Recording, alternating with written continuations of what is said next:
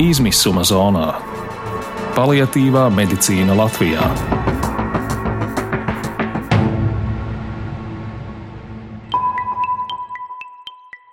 Mani sauc Sanita. Un, diemžēl dzīvē ir sanācis tā, ka es esmu saskārusies ar onkoloģisko slimnīcu, respektīvi dzemdas kakla vēzis. Šobrīd, kad sarunājamies, ir pagājuši jau nedaudz vairāk kā divi gadi kopš Sanita ar šo diagnozi sadzīvo. Tas pirmais etaps bija it kā ātrs, caur zaļo koridoru, ātrs, un likās, nu, viss, nu, man ir pats sākums, Nu, mēs taču tiksim galā. Es ar to visu tikšu galā. Tā tas bija līdz aizvadītā gada vasarai, jūlijam. Sanitē bija plānota kontrole pie onkologa, kurā ārsts apstiprināja, ka viss ir labi. Tika noņemtas asins analīzes, viss esot bijis labi, Sanita varējusi uzelpot. Pēc kaut kāda mēneša sākās nesaprotamas lietas, un sapratu, ka kaut kas kārtībā man nav. Pirmais skrējiens pie ģimenes ārsta pēc tam par maksu pie ginekologa, jo plānotā bija novembrī tikai Gaļazerā, un respektīvi man tur neviens ātrāk nu, nebija iespēja tikt. Ginekologs man pateica, ka diemžēl slimība ir atgriezusies un ka vajadzīga steidzama konsultācija, ka nevar līdz novembrim. Tad Sanita pie ārstiem gājusi pa maksu, stājusies maksas rindā pie onkologa Tajā viņa gaidīja no 24. jūlija līdz 12. septembrim. Sanitē pa to laiku vajadzēja aiziet arī uz datortomogrāfu izmeklējumiem. Un tad nāca tas spriedums, ka diemžēl man palīdzēt vairs nevar, nu, kad es tieku nodota paliatīvai aprūpei. Labdien, cienījamie klausītāji! Mans vārds ir Kristaps Feldmanis, un šajā īstenības izteiksmē, kas veltīta projektam Izmisuma zonā, ar savu pieredzi dalās Sanita Birnīte. Viņa strādā ēdināšanas un viesmīlības jomā, strādīga un čakla, tomēr atzīst, šobrīd nogurst ātrāk nekā pirms pāris gadiem. Ar Sanitu satiekos agrā darba dienas rītā, viņa dzīvo kādā skaistā koka ēkā Āgenskalnā, otrajā stāvā. Nelielais, bet mājīgais dzīvoklītis atrodas tieši virs restorāna kas ir arī Sanitas darba vieta, viņa stāstīs par savu pieredzi izmisuma zonā. Bija ļoti smagi. Brīdi, uzzinot par nokļūšanu palietīvās aprūpes pacienta lomā, raksturo Sanita Birnīte. Es sēdēju pēc koncīlija, koncīlijas nu bija nu maksimum desmit minūtes kurā es tiku nostādīta fakta priekšā. Tad es nu, nepilnu stundu gaidīju izrakstu. Man iedeva izrakstu, es viņā nesapratu nevienu vārdu. Es vienkārši es, es nesapratu, uz kurien man iet un ko man darīt. Jo es uztvēru to, ka viss, mēs nevaram neko darīt. Es par citu neko nespēju domāt. Es, Es domāju, nu kā tagad, nu, nu, kā lai bērniem pasakā, jo es visu laiku gāju vien pat pie ārstiem. Es biju tik stipra. Psiholoģiski es gāju viena pati, bērni visu zināja, bet nu, es to teiksim, pārstiem staigāju viena pati. Tad pie sanitas pienācis ārsts. Viņu interesējusi audzēja stadija un vai ir metastāzes. Ārsts atbildējis, metastāžu nav, ir ļoti slikti. Man asaras plūda, rokas man drevēja. Vēl pa vidu man bija sāpes, man bija ļoti grūti nosēdēt. Nu, es, ja godīgi jāsaka, tā vēl bija mana vārda diena.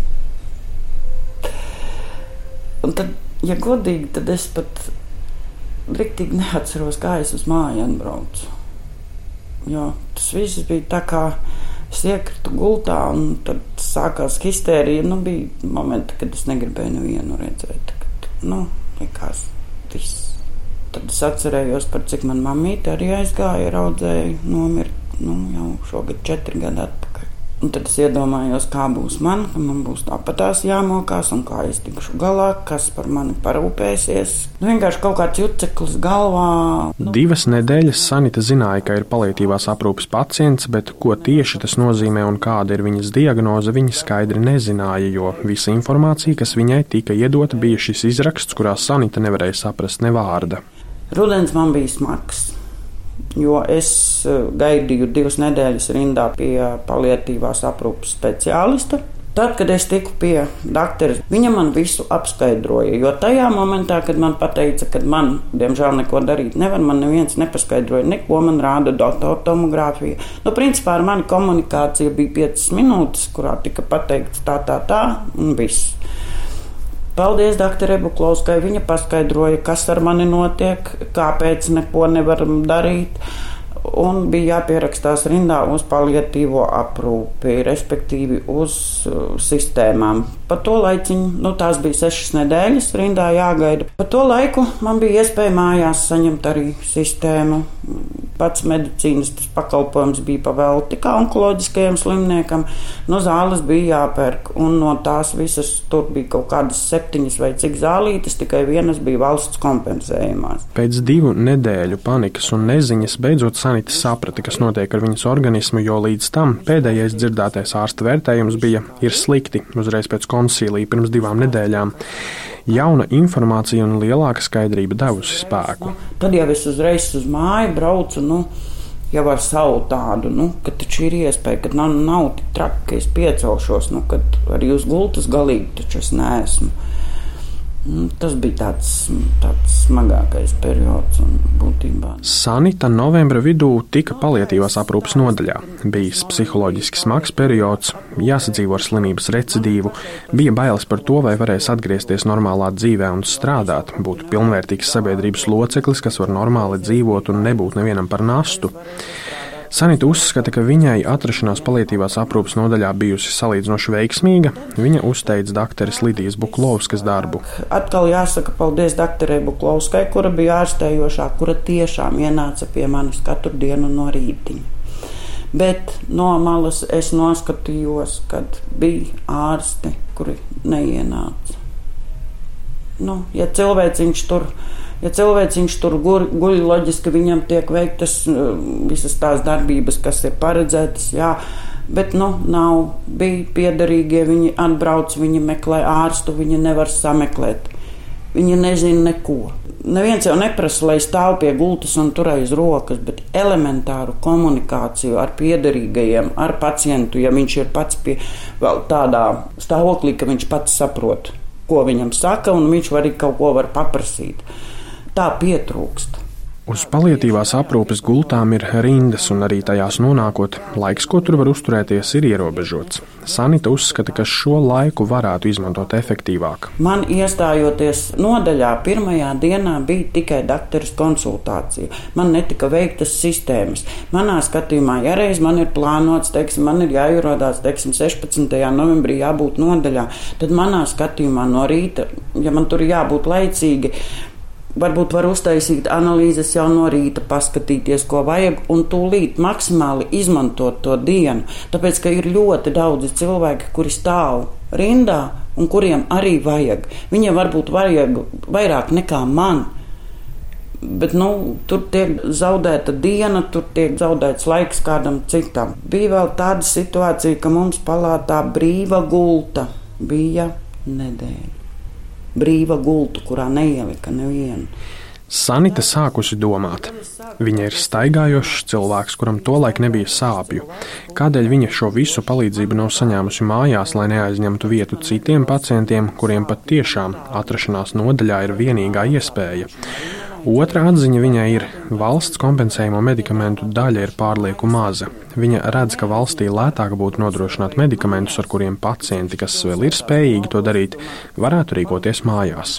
Nu, vajag kādreiz piedomāt pie tādiem kā sīkumiem, varbūt. Nu, viens sīkums pie otra sīkuma, nu, tad arī tā problēma varbūt risinātos. Tas varbūt arī neprasītu tik daudz naudas. Viņa, pieredzējusi gan palietīvo aprūpi mājās, gan iestādē, ir pārliecināta, ka svarīgi ir maksimāli nodrošināt procesu ārpus slimnīcām mājās.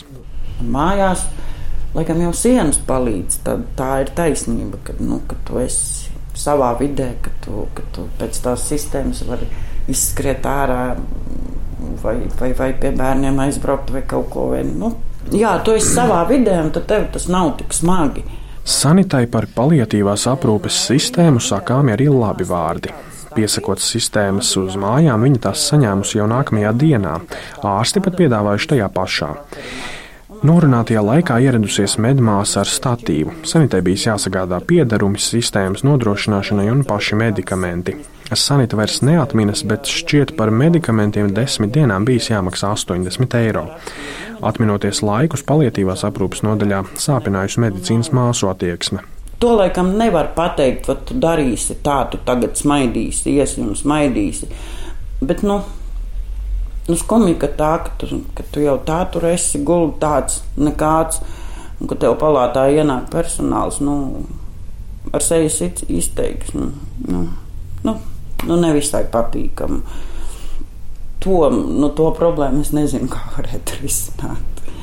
Jā, visi jau var saprast, mēs esam noguruši un, un noskrējušies, bet nu, es domāju, ka vispār onkoloģijas centrs kā tāds tā ir tā vieta, kur tas pacients arī gaida to pretīm nākšanu kaut kādu.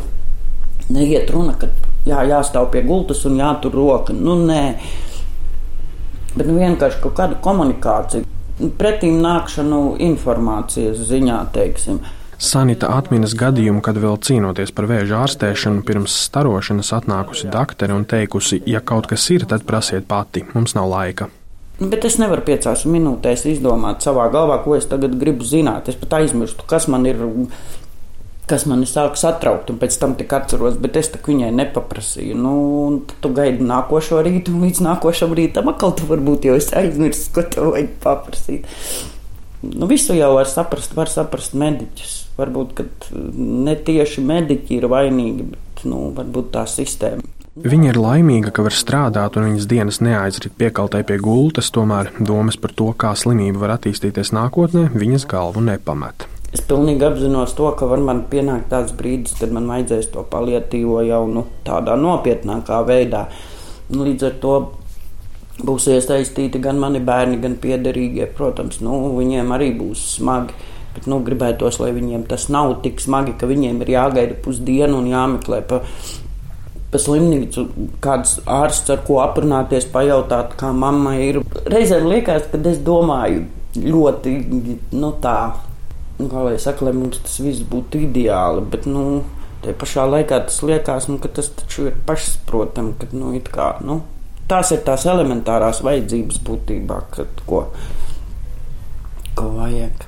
Smagi esot arī tuviniekiem un citiem, kas bijuši un ir iesaistīti sanitāras aprūpē visiem tiem, kas bija līdzās, kas pacieta visu manu raudāšanu un būtībā arī psihošanu reizēm, ka viņi to izturēja un ka viņi nepagriež to muguru un neatmet ar roku. Kad, jo es domāju, ka tas ir smagi, bet nu, tā, kad tu atbrauc it kā palīdzēt, un tev vēl kāds uzbrauc virsū. Nu, nav tas patīkami, protams. Šobrīd Sanita jūtas labi un cenšas no palietīvās aprūpas nodaļas izvairīties, lai arī zina, ka vajadzība tur atgriezties var būt. Šajā periodā es kaut kā esmu spējis tikt pati uz pekām. Regulāri eju pie ģimenes ārsta, nodod kaut vai parastās analīzes, kur viņi arī man teica, ka viņi nu, plus mīnus var kontrolēt, kas tur notiek. Pagaidām man viņas ir ideālas. Var tikai priecāties, es esmu atguvusi svaru, man ir laba apetīte, es varu iet un strādāt. Nu, jā, nu, it kā nogurstu ātrāk. Bet kopumā patreiz es neuzskatu, ka man vajadzētu pieteikties rindā uz palietīvo aprūpi, jo es vēl jūtos, nu, citam vajag vairāk. Jo es, man pagaidām ir ok. Es tā kā jautāju, saku, kā man to saprast, kad man atkal vajag to sistēmu. Viņa saka, nu, saka, būtībā pati to jutīsi. Kad sāk kaut kas, kaut kas, tad var iet pie ģimenes ārsta un arī pieteikt to māju, kad nu, nav obligāti man vēl tur uz to palietīvo aprūpi. Tā kā, nu, Pagaidām es veiksmīgi cenšos no tā izvairīties. Cik ilgi tas tā būs, nu, tas, domāju, ka tas nav prognozējams tāpat kā slimība kā tāda. Teikšu, viegli nav viegli nav. Izmisuma zonā tu saskaries ar neziņu par savu veselības stāvokli, un vēl lielāka neskaidrība ir tuviniekiem. Sāpes un bailes pavada ikdienu.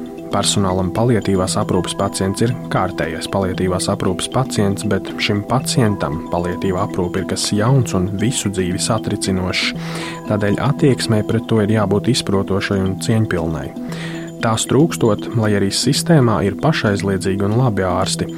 Paldies Sanitai Birnītei par uzticēšanos un drosmi savā stāstā dalīties ar sabiedrību. Šo redzējumu veidoja es, Kristaps Feldmanis, bet par labskaņu rūpējās Krišjānis Stikāns. Izmisuma zonā - paliatīvā medicīna Latvijā.